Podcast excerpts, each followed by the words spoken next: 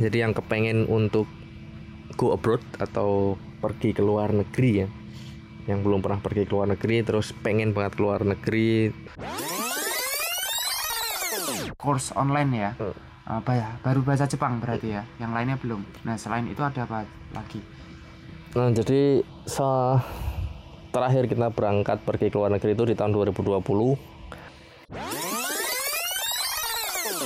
beberapa program yang kita buka ya misal contohnya yang IEP kemarin ke Tokyo itu kita memberikan reward untuk dua peserta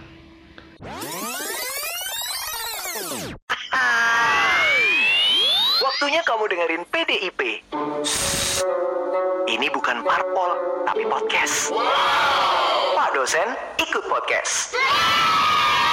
Assalamualaikum warahmatullahi wabarakatuh. Kembali lagi di podcast saya Pak dosen ikut podcast. Saya kali ini eh, saya juga sudah lama ya sebenarnya nggak ditemenin sama eh, asisten dosen saya. Nah sekarang eh, ini kita akan ngomongin terkait tentang eh, penggerak ekonomi kreatif atau eh, biasanya kita sebut dengan aktor dari ekonomi kreatif. Sebenarnya aktornya itu siapa aja sih karakternya si- gimana aja sih? Mungkin kalian eh, masih belum paham seperti apa sih sebenarnya orang-orang kreatif itu. Orang-orang kreatif itu nggak hanya bisa gambar nggak hanya bisa ini dan lain sebagainya. Jadi eh, kali ini saya akan mendatangkan kakak saya sendiri yes. Namanya Alia Di Genodi Nam- namanya hampir sama ya tapi panggilannya siapa Aldos nah panggilannya Aldo oke Eh, panggilannya Aldo di sini eh, kakak saya Aldo ini eh, sebagai salah satu vice president di Intercultural Friendship Society. Jadi eh, bisa sebutin atau bisa jelaskan lah apa sih Intercultural Friendship Society itu sebenarnya? Monggo, Mas Aldo, silahkan. apa tadi IFS ya tentang Iya. IFS Oke. Ya, jadi sebenarnya perkenalkan sebelumnya nama saya Alia Di Genodi, saya biasa dipanggil Aldo. Saya lulusan dari program diploma bahasa Jepang UGM dan sarjana da- hukum dari Universitas Islam Negeri Sunan Kalijaga dengan jurusan hukum perdata. Saat ini saya bekerja sebagai vice chairman ya Oh, vice chairman ya. Saya saya salah nih, vice president. Vice Chairman Oh, di chairman. Intercultural Friendship Society. Jadi Intercultural Friendship Society atau kita singkat IFS saja ya gampangnya. IFS ini adalah sebuah organisasi non pemerintah yang dibentuk pada tanggal 1 Juli tahun 2017. Setelah itu kita daftarkan di Kementerian Hukum dan HAM dengan nomor AHU 008785 AH 0107 tahun 2018 tentang pengesahan pendirian Badan Hukum Intercultural Friendship Society. Jadi organisasi ini organisasi yang legal ya legal dan sudah terdaftar di Kemenkumham. Jadi fokus kita di sini untuk pengembangan kapasitas diri pemuda gitu. Oke, mantap sekali. Jadi eh, IFS itu udah legal ya. Iya. Nah, oke. eh, di sini pasti banyak yang tanya-tanya. IFS itu sebenarnya ngapain aja sih? Kok bisa eh, diwawancarai sama saya itu sebagai suatu industri kreatif atau mungkin ya memang eh, bukan industri kreatif juga tapi eh, semua program kerjanya kreatif gitu. Nah, eh, apa sih program kerjanya IFS itu sebenarnya? Bisa lebih detail lagi, ngapain aja sih IFS itu? Ya, jadi IFS ini karena fokusnya mm, untuk pengembangan kapasitas diri pemuda ya, khususnya anak-anak muda dari SMA sampai mahasiswa. Jadi yang kepengen untuk go abroad atau pergi ke luar negeri ya, yang belum pernah pergi ke luar negeri terus pengen banget ke luar negeri, terus pengen dapat banyak pengalaman, pengen dapat teman-teman baru, mengasah kemampuan bahasa asing kalian. Nah, kita nih sebagai salah satu wadahnya, sebagai salah satu jembatannya untuk kalian bisa pergi ke luar negeri gitu. Jadi kita punya tiga program utama ya. Yang pertama ada International Village Volunteering Program atau IVVP. Ini kegiatan sosial di pedesaan di suatu negara di luar negeri ya khususnya untuk membantu penduduk desa dalam meningkatkan kapasitas hidup. Jadi gampangnya kayak KKN gitu, KKN tapi di luar negeri. Terus yang kedua ada Friendship from Indonesia atau FFI. Ini program pengabdian masyarakat internasional. Kita biasanya mengunjungi ke panti-panti ada panti disabilitas, panti jopo, terus melakukan kegiatan volunteering juga. Ini bertujuan untuk menyampaikan rasa kepedulian Indonesia kepada dunia internasional dengan melihat melibatkan pemuda dalam kegiatannya. Terus yang ketiga ada Intercultural Youth Program atau IEP. Program ini adalah kegiatan pembelajaran langsung di bidang budaya yang bertujuan untuk meningkatkan kualitas hidup kita dengan mempelajari beberapa kearifan lokal orang-orang dari negara maju. Jadi program ini, ini juga melibatkan hmm, anak-anak hmm, muda juga yang ingin belajar dan mempraktikkan cara hidup negara-negara maju untuk membangun bangsanya sendiri gitu. Oke, berarti uh, tiga program itu semuanya bisa uh, umur berapa aja sih maksimal? Berarti mahasiswa semua bisa tiga program itu? Ya, untuk ketiga program itu kriterianya untuk syarat usia ya dari minimal hmm. 16 tahun dan maksimal di 32 tahun. Oh maksimal. Berarti saya masih bisa masuk ya? Masih bisa oh, kalau okay. mau ikut. Berarti saya bikin pengabdian sendiri gitu ke misal uh, contohnya ke sekolah Indonesia Kamboja gitu bisa ya? Bisa. Terus uh, saya pengen ke sekolahnya anak-anak TKI TKW di Malaysia gitu bisa, bisa. ya? Oke. Nah, uh, kenapa sih uh, interkultural itu bisa disebut sebagai uh, wadah yang kreatif? Nah, salah satunya itu adalah namanya volunteering Nah, volunteeringnya itu seperti apa uh, agar akhirnya bisa membuat uh, mahasiswa itu kreatif ya. Contohnya, misal uh, habis dari keluar negeri itu uh, dapat apa aja sih pengalaman apa aja sih yang akhirnya bisa membuat kita kreatif, bisa membuat kita lebih ke banyak yang uh, mengatakan visi dan misinya uh, IFS itu socio enterprise gitu. Bisa dijelasin nggak? Ya, jadi selagi kalian masih muda ya selagi kalian masih muda itu eh, kegiatan yang cocok atau kegiatan yang untuk mengembangkan kapasitas kalian itu ya sebenarnya volunteering ya jadi jadi kalian tuh bisa pergi ke luar negeri itu dengan cara volunteer gitu. Jadi pertama-tama ya kita harus tahu dulu apa hmm, definisi definisinya volunteer. Jadi secara singkat, volunteer itu seseorang yang tanpa dibayar dengan sukarela menyediakan waktu dan kemampuannya untuk tujuan tertentu ya, misal di bidang kemanusiaan, lingkungan, pendidikan dan sosial gitu. Nah, terus manfaatnya ya, manfaatnya kalian ikut kegiatan volunteer itu yang pertama untuk menumbuhkan rasa empati. Oke, rasa empati banyak kayaknya mahasiswa baru-baru ini uh, rasa empatinya malah justru longsor ya. Hmm, jadi uh, uh, jadi volunteer itu kalian harus siap untuk tidak dibayar ya. Namun dalam beberapa kasus tertentu kamu justru harus membayar secara sukarela. Misal mengikuti event-event dari beberapa organisasi organisasi non pemerintah ya, atau NGO yang membuat event volunteer. Contoh lain ya membantu korban pengungsian, beliin sembako, alat tulis dan sebagainya. Saat itulah jiwa sosial dan rasa empati kamu bertumbuh.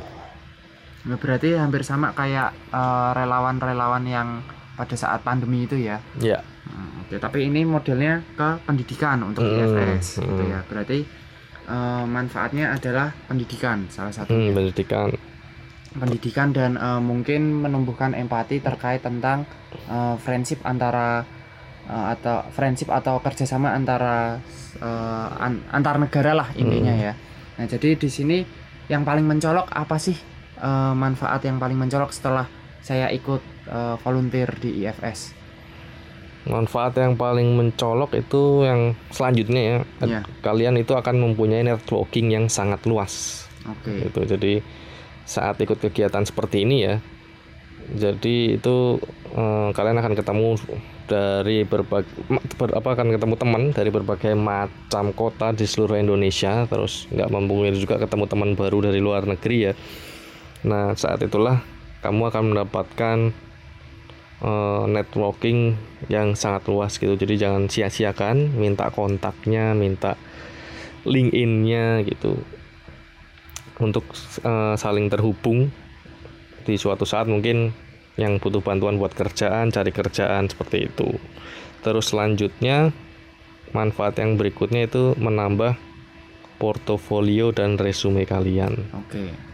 Berarti eh, pas wisuda CV-nya adalah ya di situ Mm-mm. eh, mengikuti volunteering gitu ya. ya jadi nanti apa untuk saat ini ya pengalaman jadi volunteer itu bisa menjadikan resume kalian itu sangat keren saat ngelamar pekerjaan jadi Oke. pengalaman itu akan menunjukkan kalau kalian dapat bekerja secara profesional sesuai panggilan hati dan passion kalian gitu Oke. Nah, eh, ini kan ngomonginnya volunteernya pasti ke luar negeri ya.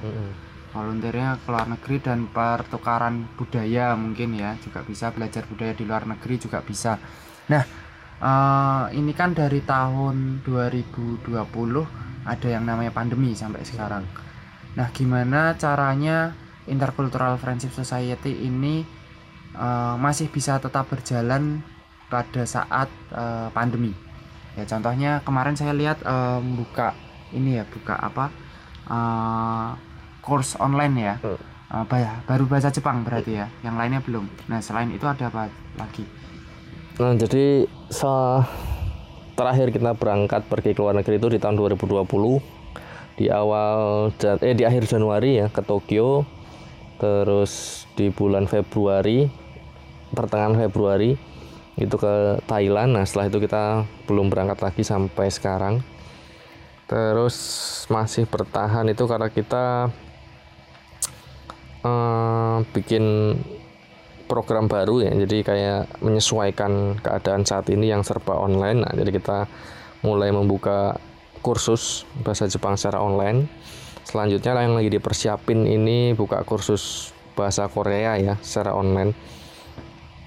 Tapi kurikulumnya juga masih digodok sama PIC-nya gitu terus yang berikutnya kita hmm, beberapa kali dipanggil BEM ya BEM oleh BEM Mas oh, Universitas BEM UNM. Universitas untuk mengisi seminar-seminar juga gitu. Oke. Nah, sebenarnya kan eh, sebenarnya selain bahasa asing itu kan juga pasti bahasa ba- selain bahasa asing bahasa selain bahasa Inggris ya.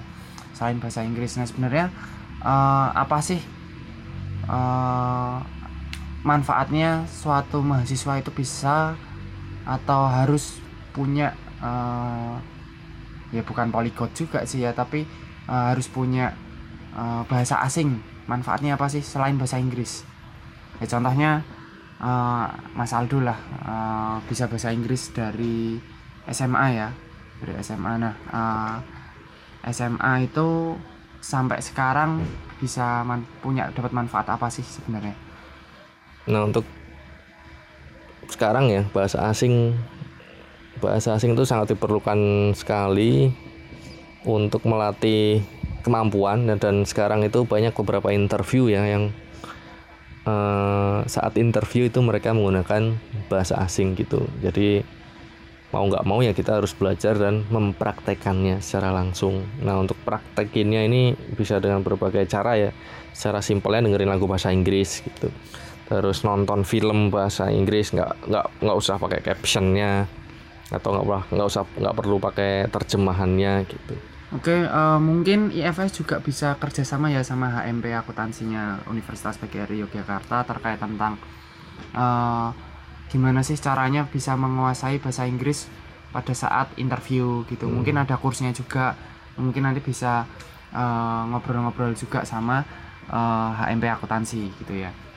Nah, eh, di sini eh, kenapa saya akhirnya memilih Intercultural Friendship Society? Karena ya memang eh, penggerak ekonomi kreatif atau aktor ekonomi kreatif itu sebenarnya nggak hanya dari bisnis saja gitu. Tapi juga berasal dari volunteer. Ya contohnya kayak dosen-dosen itu melakukan pengabdian masyarakat di situ memberikan sosial sosialisasi. Nah sosialisasinya di situ eh, mungkin terkait tentang desa wisata terkait tentang eh, pengelolaan sampah nah semua yang eh, berkaitan dengan ekonomi kreatif itu sebenarnya nggak hanya eh, bisnis aja tapi juga socio enterprise. Nah di salah satu eh, intercultural friendship society ini punya salah satu misinya yaitu eh, membuat sebenarnya membuat eh, mahasiswa-mahasiswa yang mengikuti volunteer ini menjadi anak-anak kreatif gitu ya. Bener Eh, jadi jangan takut kalian untuk eh, mau daftar eh, misal wah eh, ternyata bayar juga. Nah gimana caranya biar nggak bayar? Eh, mungkin kalian juga bisa bikin proposal ya. Mm-mm. Eh, salah satunya juga ada Valley Funded ya di Mm-mm. Intercultural Friendship Society. Bisa dijelasin uh, Valley Funded itu seperti apa? Ya, jadi setiap beberapa program yang kita buka ya misal contohnya yang IEP kemarin ke Tokyo itu kita memberikan reward untuk dua peserta yang akan kita biayai secara full ya. Baik full itu dalam artian eh, dari pesawat tiket pesawat pulang pergi terus visa penginapan di sana makan transportasi semuanya sudah kita tanggung. Terus ada yang partially funded itu yang sebagian kita biayai. Nah yang sebagian kita biayai ini hmm, selama di sana aja jadi hidup selama di sana selama mengikuti kegiatan nah itu yang kita biayain. Terus ada yang biaya sendiri gitu jadi syaratnya biasanya kita eh, ada membuat esai.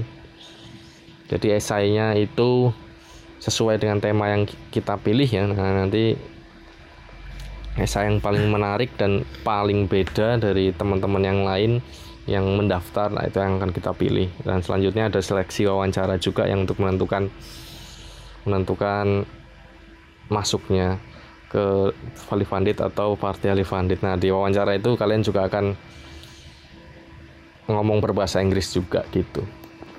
Nah berarti eh, perlu ya punya bahasa asing dan bahasa Inggris itu Mm-mm. tadi ya. Nah eh, oke. Kalau mau tahu lebih detail lagi tentang Intercultural Friendship Society bisa datang ke mana sih? Eh, kalau misalnya eh, lagi di luar Jogja kan kantornya memang di Jogja ya. Kalau misalnya lagi di luar Jogja itu eh, mungkin ada Instagram atau mungkin ada webnya atau mungkin ada blognya bisa dijelasin ya untuk pengen yang kalian pengen tahu lebih lanjut tentang IFS ya kalian bisa follow atau DM Instagramnya di ifsociety.id terus bisa juga menghubungi melalui LinkedIn ya di LinkedIn-nya Intercultural Friendship Society. Nah untuk sekarang mahasiswa ya khususnya mahasiswa wajib dan penting banget kalian punya media sosial LinkedIn. Terus yang ketiga ada Facebook fanpage juga Intercultural Friendship Society. Terus bisa menghubungi melalui WhatsApp di nomor 089677339888 Oke, di situ juga ada ya ide eh, di Instagram juga ada ya semuanya eh, terkait tentang Instagram eh, terkait tentang identitas. Jadi eh, kalian silahkan buka aja Instagramnya ifsociety.id. Nah, di situ kalau kalian masih ah beneran nggak sih ini eh, ke luar negeri dan lain sebagainya. Nah, di situ kalian bisa buka eh, bahwasanya banyak sekali dokumentasi-dokumentasi ketika eh, ketika mereka atau ketika IFS itu melakukan eh, atau melaksanakan program kerjanya ya. Jadi di situ bisa dilihat ada juga eh, komentar-komentar juga dari mahasiswa-mahasiswa atau alumni. Nah, nyebutnya apa alumninya itu? alumni juga Alumni juga, alumni, alumni dari IFS ya. Jadi eh, mungkin kalian bisa masih punya grupnya dan lain sebagainya nanti ketika itu mungkin bisa kenalan dari universitas eh, universitas-universitas negeri atau swasta di luar Jogja juga bisa, di luar Pulau Jawa juga bisa. Nah, itu jadi kalian bisa ketemu dengan eh, orang-orang yang mungkin punya ternyata punya kreativitas lebih lah dari kalian di situ. Nah, kalian bisa eh, apa ya? Bisa mencontoh atau bisa sharing dengan orang-orang tersebut. Kalian juga bisa buka eh, wawasan terkait ah eh, aku juga udah bosen nih kerja atau mungkin eh, punya teman di dalam Jogja doang bahkan eh, organisasi pun hanya di prodi aja atau pro- program sarjana mungkin bisa juga eh, cari organisasi yang di luar kampus gitu atau mungkin ikut-ikut volunteer dan lain sebagainya itu bisa oke Ya. mungkin ada penutup dari Ya, penutup. Mas Aldo monggo aku mau kasih tip and tip and tip and tricks ya cara memilih event-event kegiatan volunteer gitu yang diselenggarakan oleh beberapa NGO gitu. Nah jadi sebenarnya yang seperti IFS ini kita nyebutnya NGO dan sangat banyak sekali ya di Indonesia gitu yang menawarkan program kerja mereka. Nah tipsnya yang pertama pastikan organisasi tersebut sudah terdaftar ya di Kementerian Hukum dan HAM sebagai organisasi yang legal. Karena nanti ya untuk hmm, rekening dan nama organisasi itu pasti sama. Dan kalian juga nggak akan akan mudah gitu untuk minta izin ke orang tua kalau organisasinya sudah legal. Terus yang kedua ada alamat jelas punya ada alamat jelasnya di mana gitu. Bisa kalian datangi bisa kalian lihat bisa ada yang mau ditanya-tanya. Terus yang ketiga ada media sosialnya dan eh, bisa langsung dihubungi lah Hmm, bisa langsung dihubungi sama ada dokumentasi di dokumentasi program kerjanya juga. Terus berikutnya benefitnya ya kalian kalau gabung di IFS itu dapat apa aja. Nah yang pertama itu kalian akan mendapatkan pendamping atau liaison officer yang berpengalaman. Kedua program yang menarik ketiga pengalaman dan teman-teman baru dari seluruh Indonesia dan luar negeri. Keempat kunjungan ke KBRI dan info magang di KBRI nah jadi kita nih pasti selalu laporan ke KBRI kalau mau datang ya dan minta kuliah umum juga sama mereka. Jadi kalian bisa tanya-tanya buat info magang ke depannya itu seperti apa. Terus sertifikat tentunya kalian dapat sertifikat yang bertaraf internasional. Dan yang terakhir buat peserta yang ikut gitu yang kinerjanya bagus akan berkesempat berkesempatan untuk menjadi uh, liaison officer pendamping. Nah oke. Tadi ya pasti ada yang bingung liaison officer pendamping itu apa sih? Nah liaison officer itu kan leader ya leader dari sebuah grup. Nah nanti akan ada pendampingnya yang misal ngurusin buat bangunin pesertanya gitu kayak sweeping pesertanya nggak boleh ketinggalan jalannya harus cepet nah itu kita akan rekrut itu kita biayain juga pastinya buat perginya Wah mantap tuh. Tapi kalau misalnya nih saya adalah seorang mahasiswa ketika mau ikut vali funded nggak keterima, ketika mau ikut parsial partially funded juga nggak keterima. Terus saya juga belum ada uang juga nih.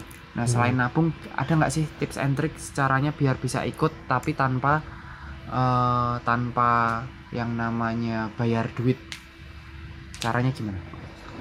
Nah, jadi untuk kalian yang mm, tidak lolos seleksi dalam fully funded dan parti- partially funded, masih ada kesempatan untuk ikut, namun dengan jalur self funded atau biaya sendiri. Nah, biaya sendiri ini salah satu caranya yang pertama mungkin bisa minta izin orang tua. Terus yang kedua nabung tentunya karena kita kalau buka kegiatan itu pasti hmm, jaraknya lama ya antara pembukaan dan waktu pelaksanaan bisa enam bulan. Nah, jadi selama spare waktu enam bulan itu kalian bisa gunakan untuk apa saving your money. Terus yang ketiga, kalau sampai apa kedua itu gagal, nah misal mi- di, nggak diizinin orang tua atau orang tua keberatan gitu, kalian bisa mengajukan proposal ya. Jadi bikin proposal bahwasanya kalian itu keterima di IFS gitu terus dijelasin juga dipaparkan kegiatannya itu apa aja poinnya apa aja kenapa kamu harus ikut di kegiatan ini gitu nah, untuk proposalnya yang pertama bisa ditujukan ke kampus ya. Nah, jadi kampus ceritain aja benefitnya apa gitu untuk kampus gitu. Nanti mungkin kalian bisa bawa alma mater foto-foto di sana terus bawa nama kampus juga. Bisa selain kampus bisa tunjuk apa masukin proposal ke perusahaan-perusahaan ya.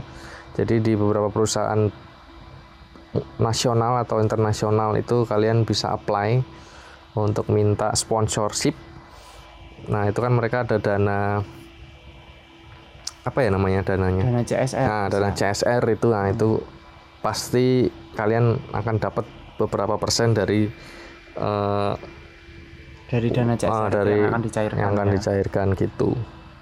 Terus bisa juga ke Pemda pemerintah daerah ke pemerintah setempat juga bisa sih Oh, jadi bikin proposal itu nggak hanya ke kampus sama ke perusahaan yang bisa ngasih dana CSR, tapi juga bisa minta ke Pemda ya, ya karena bisa eh, di situ juga akhirnya bisa mewakili eh, Pemdanya sendiri gitu ya. Oke, ya oke terima kasih Mas Aldo.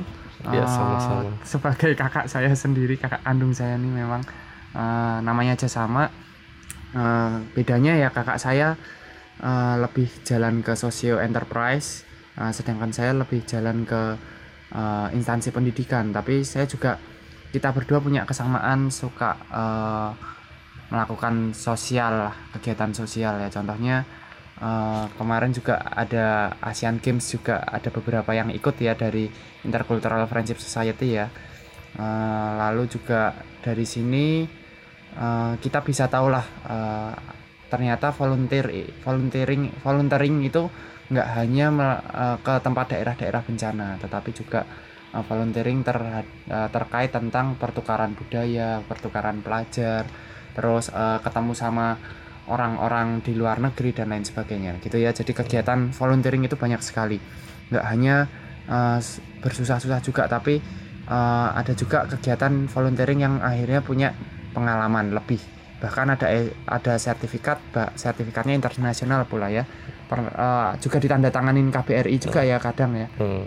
kalau ketemu sama KBRI. Nah, itu dia eh, dari ekonomi kreatif untuk eh, pertemuan kali ini penggerak ekonomi kreatif atau aktor dari ekonomi kreatif. Jadi eh, sebenarnya aktor dari ekonomi kreatif ini dimulai dari eh, kalian sendiri, dimulai dari eh, kalian sebagai mahasiswa ya mungkin eh, kayak mikir KKN, KKN buang-buang duit dan lain sebagainya. Nah, kalian bisa carilah penggantinya KKN apa mis- misal PKMPM atau misal PHBD atau misal kalian ikut PK eh, ikut KKN tapi kalian bikin proposal juga di di apa ke- proposal KKN di untuk dikirim ke perusahaan yang punya dana CSR gitu. Jadi kreativitas lah kalian em, setiap ada kegiatan gitu. Ketika kalian kerja kreativitas itu yang akan diperlukan. Seperti seperti itu ya. Jadi oke eh, terima kasih Mas Aldo terima kasih wejangannya dan penutupnya sarannya tips and triknya juga. Eh, mudah-mudahan ada beberapa eh, anak-anak Universitas PGRI Yogyakarta eh, atau lebih lebihnya khususnya lagi anak-anak akuntansi lah yang mau ke luar negeri gitu. Volunteering juga lah ya, gitu oke terima kasih. Eh, sampai di sini aja eh, podcast kita kali ini. Jangan lupa jangan lupa untuk eh, follow instagramnya Intercultural Friendship Society di if society.id ya. Oke terima kasih. Sampai di sini. Assalamualaikum warahmatullahi wabarakatuh